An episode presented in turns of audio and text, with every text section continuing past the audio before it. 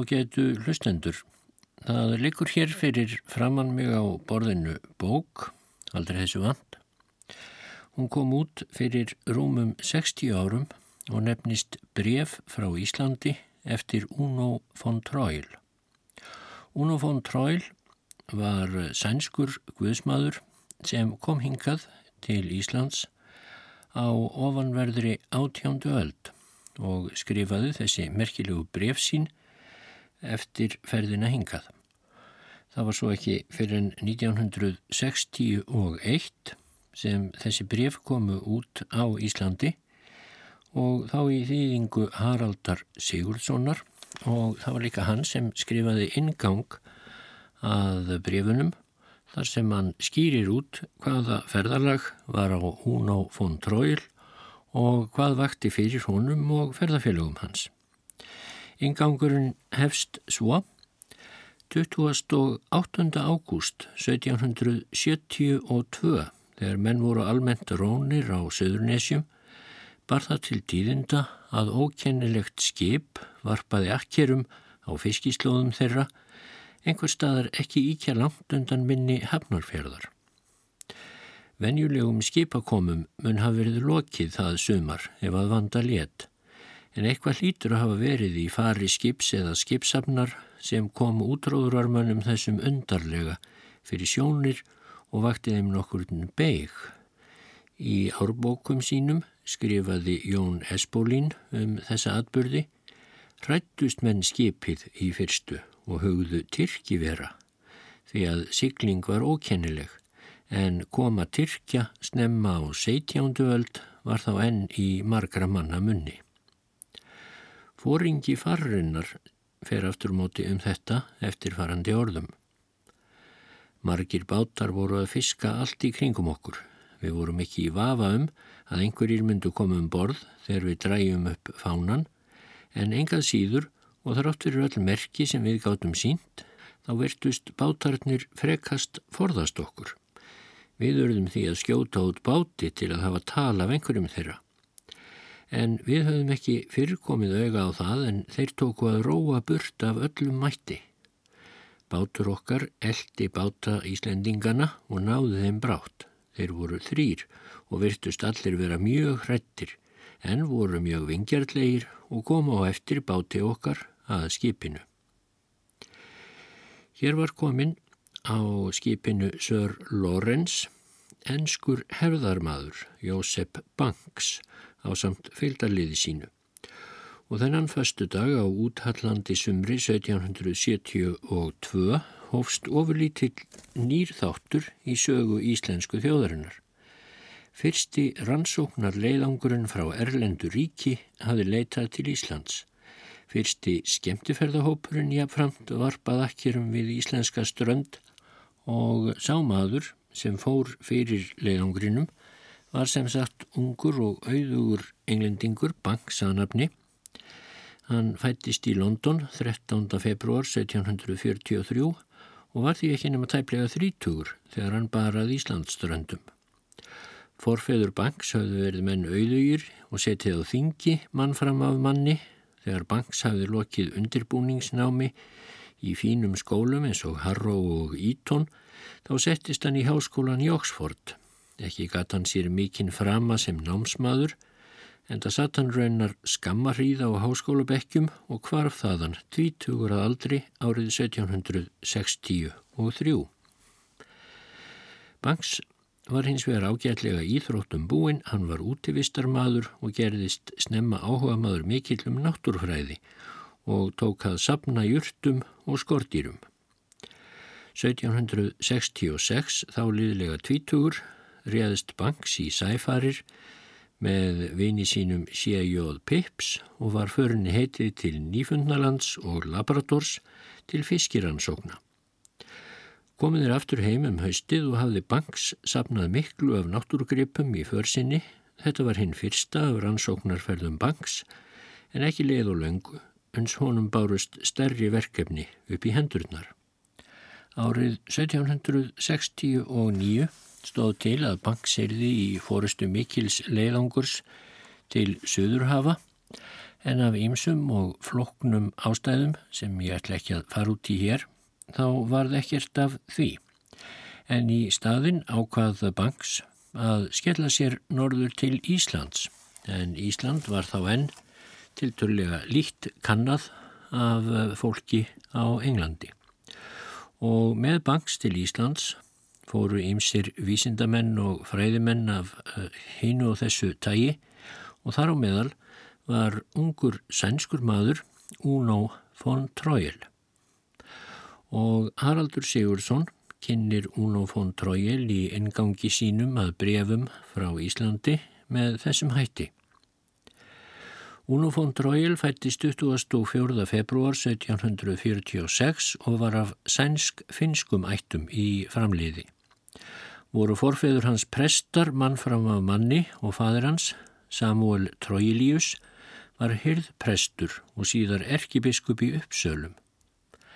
Naut sveitnin hins besta uppeldis í foreldrahúsum og var innritaður í Uppsala háskóla árið 1760 aðeins 14 ára að aldri. Bendir það til þess að pilturinn hafi verið bráþróska þó að vera kunni að hitt hafi ráðið nokkru um að hann var jú sonur erkibiskupsins. Við háskólan lagði von Tróil auk Guðfræðinar engum stund á fornmál, grísku og latínu en virðist annars hafa sótt fyrirlestra í flestum greinum sem kendar voru við háskólan. Meðal annars sótti hann mjög fyrirlestra Jóhanns Íres, hins kunna fornfræðings og orðabókar höfundar sem um ímislegt braut nýjar leiðir í norrætni málfræði og rittskýringu og meðal þeirra háskólakennara sem von Trójel minnist þakklátlega í endurminningum sínum löngu síðar var sjálfur Karl von Linnaeus sem var mikilsáttar maður í sögu átjándu aldarinnar og frægur fyrir eh, að hafa flokkað dýr og jurtir í vísindalegt kerfi. Árið 1768 laug von Trójel kandidatsprófi og tveimur árum síðar var hann sæmtur meistarannabót í Svíþjóð. Sama ár var hann veittur utanfarastyrkur og þá hófst námsförin til útlanda. Förinni var fyrst heitið til Þýskalands og þar átti von Tróil Árstvöl við háskólan í Göttingen. Frá Þýskalandi lág leiðin til Parísar, þar dvaldan í fimm mánuði en helt síðan til Lundúna og þángað kom von Tróil í april 1762 og þar kynntist hann landa sínum að nafni Sólander sem réði sig setna þá um vorið í förina með Jósef Banks til Íslands. Og þannig vildi það til að hinn ungi og efnilegi svíi Uno von Trojel var komin til Íslands í ágúst 1772 og komið sinni þangað lísti Uno von Trojel setna í einu af þeim brefum frá Íslandi sem Haraldur Sigursson þýtti og kom út fyrir rúmum 60 árum eins og ég sagði áðan. Í einu brefana segir Loksins náðum við til Íslands hinn 28. ágúst og vörpuðum akkerum úti fyrir bessastöðum hinnu fræga setri Snorra Sturlusonar. Okkur þótti sem við værum komnir í annan heim. Í stað fagurra hér aða sem áður mættu augum okkar var hér ekkert annað að sjá en ofbóðslegar minjar sundur leitustu eðileggingar. Gerið yfir í hugarlund land þar sem hverki sést annað en nakin fjöll með eilífum jökli á efstu brúnum. Á lálendinu millir fjallana rýsa gleraðar klappir með háum og kvössum brúnum sem keppast við að fela þann litla gróður sem vex á millið þeirra. Að baki þessara skuggalegu múra leynast byggðir landsmanna, drefiðar út um allt. Hverki sést nokkurt tré sem skilt gæti vináttu og sakleysi. Ég vænti þess valla, minn herra, að þessi frásögn veki yfir mikinn huga á að gerast Íslendingur. Ég þórið ábyrgjast að við fyrstu sín kemi engum manni til hugar að slíkt land væri byggilegt mannlegum verum ef ekki væru allstaðar bátar á strandinni. Varla getur nokkur land sem náttúrun hefur búið jafn fátæklega að og þar sem hún byrtist hvarvetna í jafn gegvænlegu myndum. Þó búa þarna nálega 60.000 manna. Ekki eru þeir beinlínis óhamingju samir því að þeir vit ekki hvað vekur mönnum unað á öðrum stöðum. Ég dvaldist hér harð ánæður í rúmar sex vikur og síslaði við að kynna mér hérna förðulegu náttúrulandsins eða aflaði mér upplýsinga um þjóðina, tungu hennar, síði og svo framvegis. Eins og mínum herra er kunnugt var Ísland fyrst byggt á nýjöndu öld af norskum landnámsmönnum og voru í þeirra hópi margir svíjar. Lengi vel lifðu þeir öllum óháðir í þessum afkíma veraldar en voru að lokum nettir til að játast undir veldi Norags konunga og fylgdu svo Noregi þegar landið gekk á hönd dönum. Fyrrum var Íslandi ráðið af flotafóringja sem kom til landsins ár hvert til nöðsynlegra stjórnaratafna. Nú hefur landinu um nokkur ára skeið verið stjórnað af stiftammanni búsettum í landinu og heitir sá Lóriðs Tótal sem nú gegnir ennbættinu. Íslendingar eru menn ákaflega góðlindir og heiðarleir en ekki eru þeir jafn hraustbyggðir og vendamætti og því síður gerfilegir. Svo þungbúnir eru þeir að mig minnir að ég hafi aldrei séð á hlæja. Lestur fornsagna er þeim kærast tómstundagaman og aldrei hefur verið uppi sá Íslendingur sem ekki kunni sögu þjóðarsinnar. Stundum spila þeir á spil eitthvað sem líkist landa. Húsín gera Íslendingar úr raungrjóti og þekja torfi og eru þau svo smá að vallar hægt að snúa sér við inn í þeim. Gólf eru þar engin og glergluggar sjaldgæfir en í þeirra stað eru notaðir skjágluggar. Reykháfa þurfa þeir ekki því að eldur er aðeins kveiktur til matseldar og mórin lagður á gólfið. Það ætti því ekki að koma mínum herra á óvart að hvergi í landinu gátum við fengið annað þak yfir höfuðið en kaupmannsbúðir og í hekluferð okkar síðar urðum við oftast að sofa í kirkjum. Viðurværi Íslendinga er mest harðfiskur, súrt smjör sem þeim þykir salgæti, mjölk, blönduð vatni og síru og dálítið af kjöti. Þeir fá svo lítið brauð hjá Danska Veslunarfélaginu að engin bóndi á það lengur en þrjá til fjóra mánuði á ári. Íslendingar elda grauta og reynskonar mosa og smakkast hann reyndar príðilega. Karlmenn starfa engum að fiskveiðum og róa til fiskjar, vetur og sömar. Húsfreyjurnar annast gripahyrðingu, prjóna sokka og svo framvegs og það eru þær sem fletja og herða fiskin sem karlmennir færa í búið og um leið eru aðal afurður landsins. Íslendingar eiga martu nautgripa sem oftast eru kollóttir, söðfíi hafa þeir líka og afbræðs hesta og gengur kortvekja úti á vetrum. Hundar eru margir en fátt um ketti. Villi dýri eru ekki önnur en rottur og refir. Hvítabirnir koma frá Grænlandi ár hvert með hafísnum og eru þeir óðar drefnir svo að þeir skaði ekki bústofn landsmanna og líka vegna tíu ríkistala verðlauna úr konungssjóði. Landstjórin sem nú er hefur látið flytja reyndýr til landsins en 12 af 15 reyndýrum dóu á leiðinni. Hinn þrjú lifa á samt tveimur kálfum. Hörðulegt má það kallast að skóar skul ekki þrýfast í landinu. Já, tre eru meira segja valla til þar yfir leitt. Órækar sannanir eru þó fyrir því að miklir skóar auksu hér í fyrindinni. Korn vext þar heldur ekki, þó að í fimm eða sex skörðum, hinnum einu í landinu, vaksi kál, rófur, ertur og steinselja. Ég gatt þess hér að framann að Íslendingum þykir gaman að þylja fornsögur sínar en þær eru nær því einu minjarnarum snilli forfæðra þeirra. Nú er fátum skáld í landinu og fæstir prestana kunna annað en latínu sem þeir læra í stólskólunum, í skálholti og á hólum. Nokkrir þeirra hafa numið við háskólan í Kveipmannahöfn. Kynntist ég þremur ágætum lærdómsmönnum, engum í norrænum fornfræðum. Finni biskupi Jónsson í Skálholti sem er að rita íslenska kirkjusögu, Gunnari Prófasti Pálssoni í Dölum og Haldáni rektor Einarsinni á Hólum. Þetta sem ég hef nú lesið, það er úr brefi Uno von Troyels til Gjörvels bókavarðar í Svíþjóð.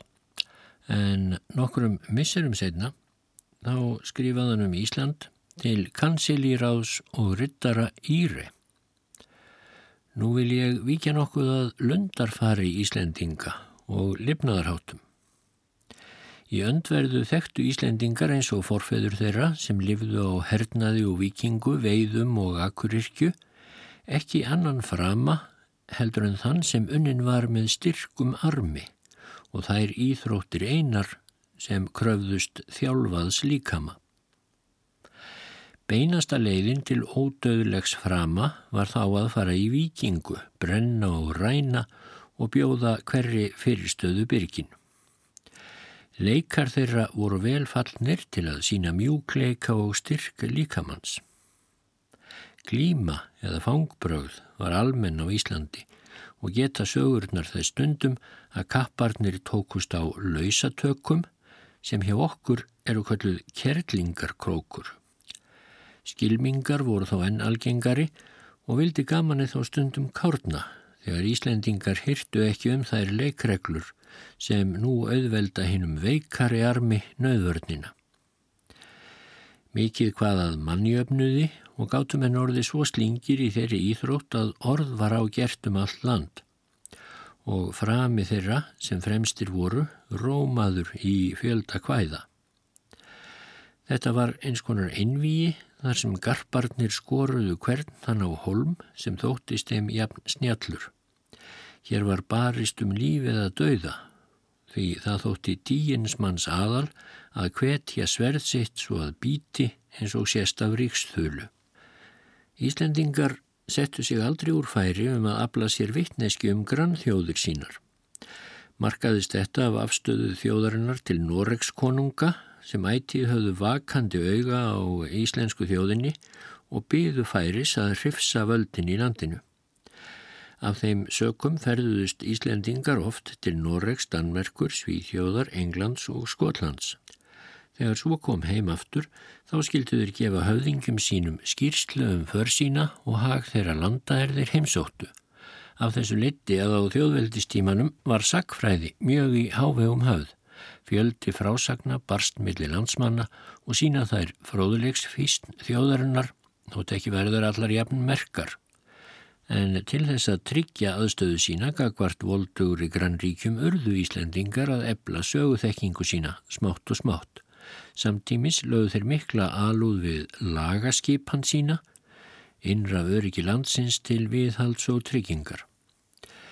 Þannig reys upp á Íslandi fjöldi sagnarittara og álitlegur hópur skálda meðan fáfræði og myrkur grúfði hins vegar yfir öðrum löndum norðurálfunar.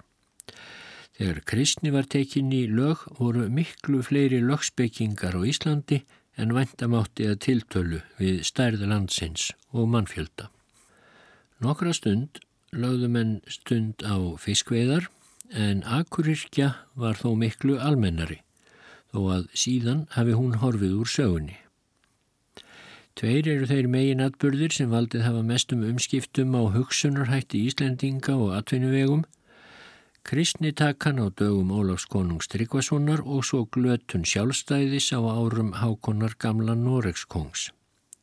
Kristindómurinn beitti sér gegn fornum hernaðaranda og ránum og svifti veraldlega höfðingja bakhjarlinum til að standa í slíkum stórræðum. Nú er ekki aðrar minjar eftir fornra hetjudáða en þær sem varðveittar eru í sögunum og nú gera Íslendingar sér tíðara um fiskifangsitt og búfjárgæslu en bardaga. Þess má svo geta að Íslendingar eru meðalmenn á hæð og velvaksnir en ekki íkja knáir. Frítt konuandlit er fásið á Íslandi. Kallmenn eru lenguhættir að ganga með skegg þóttir séu síndir þannig í ferðabók Egert Sólafssonar. Sú teikning líkist alls ekki í Íslendingi en geti vel verið af sunnmæri í Noregi. Glæpir eru sjaldgefari meðal Íslendinga en annara þjóða þar sem óhófsmunaður spillir hugarfarinu. Stuldir eru fátíðir og lauslætismenn geta Íslendingar ekki talist þó að þessi auðdæmi að sami maður hafi hvað eftir annað verið dæmdur fyrir þær sakir. En þó að fátaktinn banni Íslendingum sömu reysnu og forfeður þeirra hafðu, þá vantar þá reyndar síst viljan. Þeir veita þann beina með glöðu geði sem þeir framast geta og fögnuðurinn ljómar úr augum þeirra þegar gestur þeirra gerir sér hann að góðu. Ef farið er að réttum land síðum þá heilsar gesturinn með kossi á munnin körlum jamt sem konum, mæðrum og dætrum. Íslendingar eru greiðviknir og tryggir og frábærlega hlýðinir yfirbóðurum sínum. Trúaðir eru þeir og kirkjuræknir en alls ekki lausir við hjátrú. Ættjarðar ástæra verður ekki með orðum líst og hverki líður þeim jafnvel og heimaslóðum. Þess vegna er afar sjaldgeft að Íslendingar setji stað í Kaupanahöfn jafnvel þó svo vildar kjör sjö í bóði. Ekki verður Íslendingum rósað almennt fyrir yðjusemi. Þeir gangað verki sínu eins og á gamlum vana en nöðsynlegar umbætur látaði sig litlu skipta. Til skamstíma hefur stjórnin líklega átt nokkra sök á þessu. Vegna ókunnuleika um landshætti hefur hún látið undir höfuleggjast að gefa út nöðsynlegustu tilskipanir í atvinnumálum. Ekki eru Íslendingar gleðimenn hverstagslega. Þeir eru dáltið grunnhygnir og auðtrúa og ekki hafnaðir í drópanum ef svo berundir. Þó eru hér margar undantekningar eins og gefur að skilja. Á mannamótum unna þeir sér best við sagnalestur.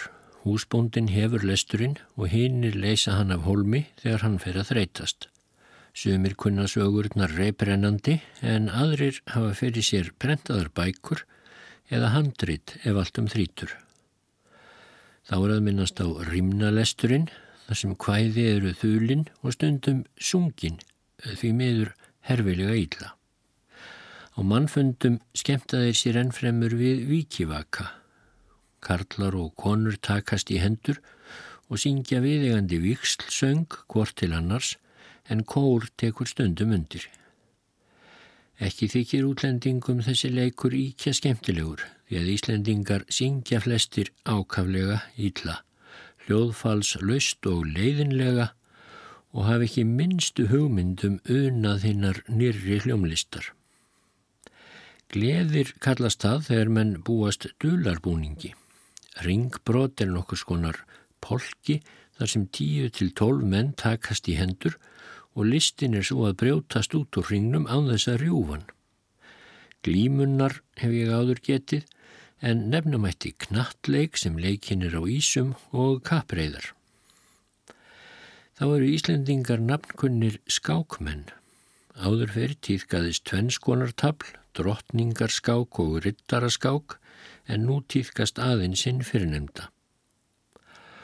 Auk þess stýtta Íslendingar sér stundir við kotru, forkæringu og ólafstafl sem frá fornufari er leikið með tölum en ekki teiningum og er bundið fyrir augu leikmannsins. Önnur töfl eru milla, færingartafl og goðatafl. Af spilum má nefna alkort, handkurru, blindtrú og pamfíl. Engir peningar eru lagður undir en aðeins spilað sér til dagrastýttingar. Fjárhættu spil munu þó hafa týðkast fyrrum að minnstakosti likur í fornum lögum refsing við fjárhættu spili. Í öðru brefi nokkru síðar til kansilí Ráðs og Rittara Íres þá lísti Uno von Tróil meðal annars klæðaburði Íslendinga. Íslendingar hafa lítið sem ekkert breytt klæðaburði sínum á setin tímum. Hann er korki glæsilegur, nýjeskrautlegur en þokkalegur og hendugur í íslensku veðurfari. Karlmenn ganga allir í línskirtum innst klæða og utan yfir í sjómanatreyu og víðum buksum. Á ferðarlegum eru þeir íst klæða í stuttum frakka eða hempu. Allur er þessi fatnaður úr svörtu vaðmáli nema í norðanverðum Arnarferði. Þar ganga menn í kvítum föttum. Á höfði hafa Íslendingar stóra þrýhyrnda hatta og fótum ullarsokka og íslenska skó. Fáinir kaupað vísu randsaumaða skó frá Kaupanahöfn en að því þeir eru all dýrir þá velja Íslendingar fremur þann kostin að gera sér sjálfur skó úr nöytsleðri en þó aðalega úr söðskinni. Skotnir eru þannig gerðir að skinn er skorið niður í ferhyrninga, lítið eitt lengri en fótrun er, síðan eru skæðin sömuð saman á hæl og tá og bundnir á fótinn með þvengjum. Skór þessir eru þægilegir á sléttlendi en ekki gátum við notað á í klettum og skriðum. En Íslendingar sem eru þeim vanir letu sig ekki munað um það. Konur ganga einnig í svörtum vaðmálsfötum. Utan yfir skirtunni sem er fælt saman á brjóstinu eru þær í upplut og yfir honum í treyu, reymaðri að framann með þraungum ermum er náfram á úlið. Höfuðbúnaður íslenskara kvenna eru nokkrir dúkar, vafðir um höfuðið og bundnir þétt að með silkiklút og eru þeir meir til hlýjinda en príði og hér um byl helmingi herri en höfuðu lengd nemur. Stúlkur fá venjulega ekki að bera þennan höfuðbúnað fyrir að þeir eru komnar á giftingaaldur. Í brúðkaupi sínu eru íslenskar konur sérkennlega búnar. Utan yfir höfuðbúnaðin bera þær þá gildan silfurkrans um enni um hálsin tvær keðjur, tekur önnur niður á brjóstið en hinn út á axlirnar. Auk þess bera þær stittir í keðju um hálsin og hangir oftast við hann hjartalagaði nisti sem á opna og láta í balsam eða eitthvað annað til að lykta af. Þannig eru allar íslenskar konur búnar, jæmt æðri sem lægri. Munurinn er kennarinn sá að búningur hinn að fátækari er úr grófu vaðmáli, skreittur látúni, en efnaðri konur búast klæðisfötum með gildu silfri.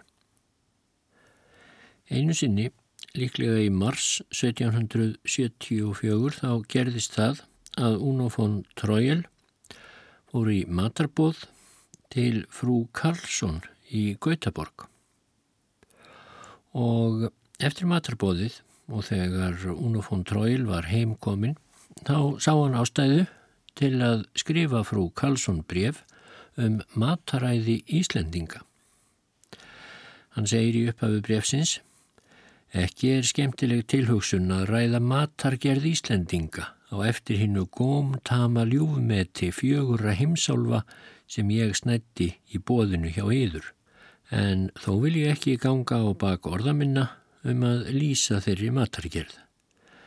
Mér er sem ég sjáu hvað yður mun velja við sömum af réttum Íslendinga. En ímyndiður þó ekki að Íslendingar séu óhamingusamir þó að þeir get ekki bætt sér í munni með krytti sem komið er um langa vegu. Þeir gera sér að góðu það sem náttúrann gefur þeim, geta sig metta og líður príðilega meðan við skemmum í okkur magan með kryttuðum kræsingum og væmir við hotlasta mat. En Vistabúr Íslendinga, þau eru sjaldan svo vel búin að þau geimi allt það sem ég ætlaði að gera hér að umtalsefni á eftir. Þó mun hvarvetna eitt hvað af því verið að finna því að fæðu tegundir Íslendinga eru sem hér segir. Brauð, ímsargerðir en mest súrar tvíbökur bakaðar í kveipanahöfn. Ekki er mikið um þær því að tvíbökurnar eru of dýrar en þær eru þó taldar nöðsynlegar í brúköpsveislum og gestabóðum. Margir baka þessi stað brauð úr rúgi sem einnig kemur frá Kaupanahöfn og er það gert sem hér segir síru er held saman við mjölið og búið til deg úr því eru hnoðaðar kökur sem eru tvö kvartil í ummál og þryggja þumlunga þykkar. Kökurnar eru soðnar í vatni eða misu og síðan þurkaðar á heitum steini eða játnblötu. Fjallagrasa mjöl, tunna af hreinsuðum og velferðum fjallagrösum, er seld á einn ríkistall. Fyrst eru grösin skóluð og sögumir saksaðu í smátt að því búnu en flestir þurkaðu yfir eldi eða í sólskinni. Síðan eru þau sett í poka og barinn og loks steitt í mjöl. Súrt smjör. Íslendingar nota sjaldan nýtt smjör eða saltað, heldur láta þeir það súrna, þannig geimist það 20 ár eða jafnvel lengur. Þykir Íslendingum það heilnæmar og bragð betra svo gamalt heldur en með þeim geimslu aðferðum sem hjá okkur týðkast. Smjörið bragðast þeim þeimun betur sem það er eldra og pund af 20 ára gamlu smjöri er talið jafngilda tveimur pundum af öðru smjöri. Fiskur er alls konar, síin, hertur, saltaður og frosinn og kjósa margir hann reyndar helst þannig. Kjöt af nautum, sögðum og fugglum, saltað, reykt og súrsað upp úr tunnu. Mísuostur Íslendinga er bragðgóður en Íslendingar hafa týnt niður annari ostakerð, þó er seldur sæmilega góður ostur af Austurlandi. Beinastrjúgur, bein af nautpeningi, söðfja eða úr þorski eru svoðin í misu uns þau eru orðin meir. Síðan eru þau látin gerjast og beinin loks í ettin með mjölk. Skýr súr mjölk sem misan er pressuð úr, gemt í tunnum og keröldum og stundum látin krækiper og einiper saman við, borðað með nýmjölk. Sýra, það er misa gemt í tunnum og látin riðja sig. Hún er ekki talin góð á bræðið fyrir hún er orðin árskömmul. Blanda er notuð til drikjar, það er vatn, blandaðið einum tólta með síru. Á vetrum er hún blönduð með blóðbergi og krækiberjasafa. Aug þess geta Íslendingar alls konar júrtir sem vaksa út í náttúrunni eða eru ræktaðar þeir geta líka krækling og ennfremur sveppi. Íslendingar snæða venjulega þrísvar á dag klukkan 8, 2 og 9. Kvölds og morgna geta þeir venjulega skýr stundum með kræki eða einiberjum og hafa nýmjólk út á.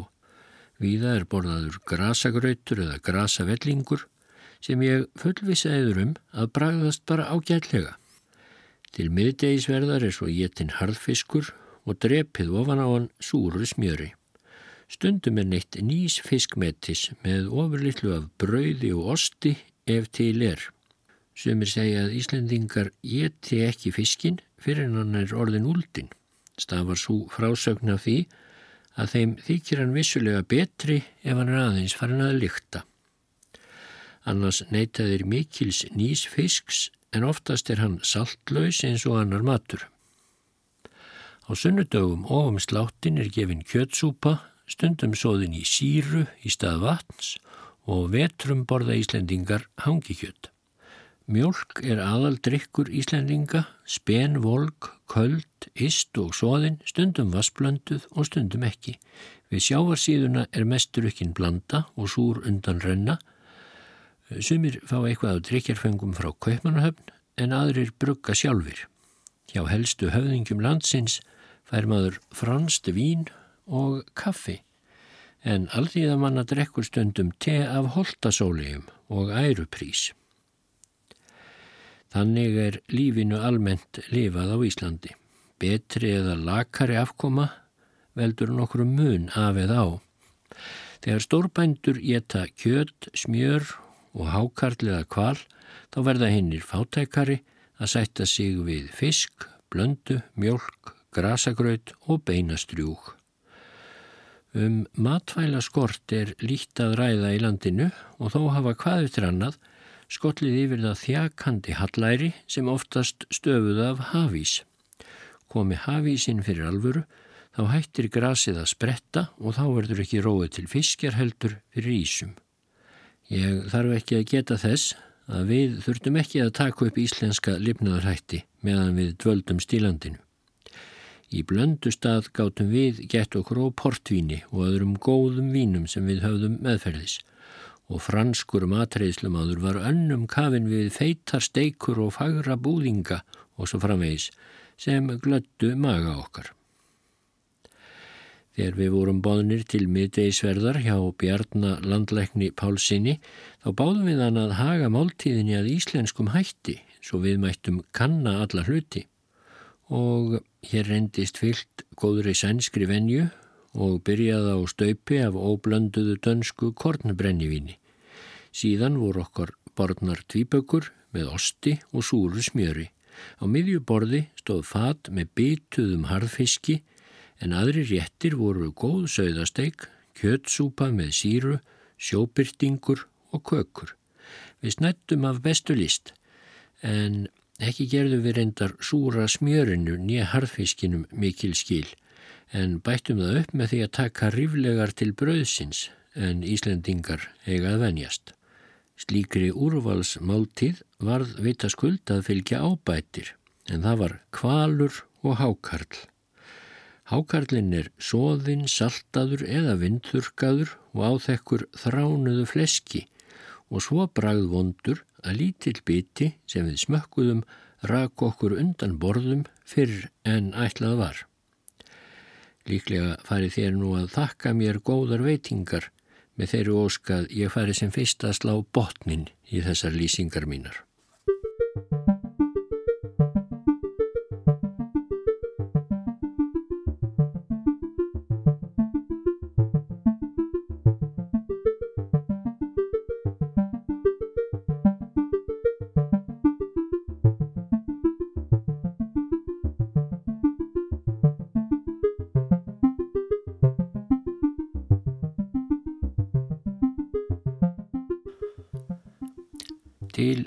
Kansilíráðs og rittara Íre, Stokkólmi, 3. oktober 1774 frá herra Uno von Trojl. Herra kansilíráð, þeir Íslendingar sem búa við sjávarsíðuna róa á sjó hér um byl árið í kring en hinnir sem eiga heima lengra inn til landsins, þeir leita þanga til róðra á ákveðnum vertíðum. Allir heimilisfeður verða að eiga sérstök sjóklæði, bæði handa sjálfum sér og eins til að láta vinnumönnum sínum í téð þegar vertíð hefst. Sjóklæðin eru gerð úr kálfs eða söðskinni og eru mökuð í lísi um leið og þau eru sömuð. Flíkur þessar eru sem hér segir listabrækur, sokkar og buksur samfestar uppháar og reyrðar að mittinu, stakkur sem er víð treyja, þétt dreyin að í hálsi og mitti og tátiljur, svell þæfðir tóksokkar og loks sjóskór úr þykku leðri. Bátar Íslendinga eru flest allir smáir, oftast aðeins eins til fjögur að manna för er þeir fiska á við ströndina en á stærri skipunum sem eru 10 til 16 róin og búin seglum þá sækja þeir oft fjórar til 8 mílur til hafs. Á farkosti þessum er æfinlega einn stjórnandi sem nefnist formaður, hann situr undir stýri og hinnir hlýða fyrirmælum hans og nefnast þeir hásettar. Strax og báturinn er látin úr vör, þá taka allir ofan hatta sína og frollur, byggja Guð að gefa sér góða veiði og fela sig forsjón hans með bænum og salmi sem kallast vararsöngur. Síðan er haldið til hafs. Þegar komið er út á sjó, þar sem þeir higgja helst fisk fyrir, þá setjast tveir hásettar undir árar og andæfa svo að skipið beri ekki undan fyrir ströymi og báru og færin flækist. Dorkað er daglangt og aflist svo vel að horfur sé á fullfermi, þá er fiskurinn hausaður og slægður og slóginu varpað fyrir borð.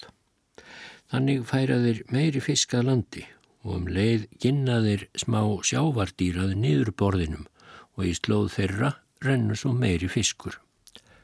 Við heimkomuna er allur fiskur borin á land og skipti í nokkra jafna hluti. Einn er að fellur til skipseigandans þó að hann hafi ekki róið á skipinu kallast sáhlutur skipsleiga. Einn hlut fær stýrimaður og annan sá sem hagar seglum ef um þau er að ræða og loks er sinn hluturinn handa hverjum af skipsöfninni. Hlutkesti þetta nær einnig til smáfiska. Ef einhver skipverja er svo heppin að veiða flyðru, þá er henni líka skipt en af henni fær veiðimadurinn sjálfur þó þrjá bestu hlutana. Ekki þarf að taka það fram að hafið, jæmt sem ár og stöðvötn, er fullt af fiski. Ég ætla hér aðeins að minnast á kvalina en af þeim eru margar tegundir við Ísland og skipta Íslandingar kvölum í tannkvali og tannlausa. Allir eru kvalirnir jétnir og þeikir Íslandingum kvalur hefð mestan noskæti og jafna honum hvað bræðsnertir við nautakjött. Íslandingar trúa því að einn kvalurinn, háhörningur, sem þeir kalla raunar rauðkemping, sé gráður í mannakjött og varast þeir að fiska á slóðum þar sem háhyrnings hefur orðið vart. Ætu kvalirnir eru vittir við og við, með skuttli eða í net, en Íslendingar voga sér þó sjaldan að ráðast á stórkvelin því að bátar þeirra eru mjög smáir og áhöld ekki fyrir hendi til slíkra veiða. Íslendingum stendur meira að segja svo mikil okn af sömum kvalategundum að þeir voga sér ekki að nefna þá með nafni þegar þeir eru á sjó. En þeir taka með sér í bátinn mikju, brennistein, eini og annað fýjumlíkt til að fæla kvalina burt. Þó ber það stökusinnum við að stórkveli veiðast á þann hátt að á flóðinu hættaðu sér of næri landi en þegar lækkar í verða þau of sein til þess að komast undan og þá vinna landsmenn á kvölunum strönduðum í fjörunni með grjóti og sveðjum. Þannig veitu hapfyrðingar stóreflis kval árið áður en við komum þángað. Þegar fiskveiðunum sleppir þá var nautgripa og söðfjárrækt aðal atfinnuvegur landsmanna. Íslenski nautgripir eru ekki stórir vexti en holdsamir eru þeir og hinn er bestu gripir. Ekki eru þeir allir kollóttir eins og margir telja þó að svo sé vissulega oftast. Meiri hluta ársins hafa Íslendingar búsmala sinn heima við, við bæina, sumir rekka þó málnýtu pening til fjalla og sumrum og hafa hann þar í seli uns hei önnum er lokið. Smali fylgir þá gripunum og gætir þeirra í haga en tvær selkonur mjölka og búa til osta og smjör.